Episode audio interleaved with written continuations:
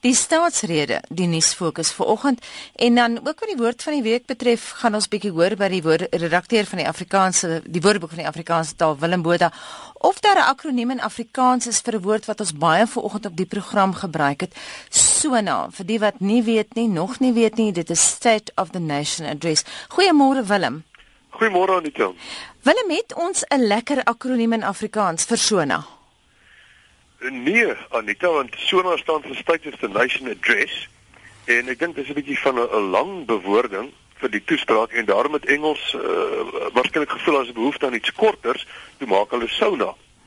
Maar ek dink staatsrede uh is redelik kort en dit skep nie daai selfde behoefte nie. Ehm um, maar uh mense is natuurlik vry om dit te gebruik as hulle wil. Ek het bietjie gaan kyk in, in die koerante. Ehm um, in die in die hoofstroom koerante kry ek dit nie in 'n berig uh dat sona gebruik word nie. Wel in die SMS'e en die tweets uh van die lesers ehm um, waar hulle kommentaar lewer maar ook maar min en dan meestal as die persoon staatsrede gebruik plaas hy miskien tussen hakies sona of as hy sona gebruik plaas hy staatsrede tussen hakies agterna. So was daar byvoorbeeld eergister 'n tweet uh, van Helen Zille in die beeld waar sy sê hy wil hê ek moet pers dra vir sona tussen hakkies die staatsrede, maar ek wil swart dra. Ehm um, so dit lyk vir my dit dit word informeel gebruik, maar eh uh, maar nog nie in die hoofstroom koerante en berigte nie.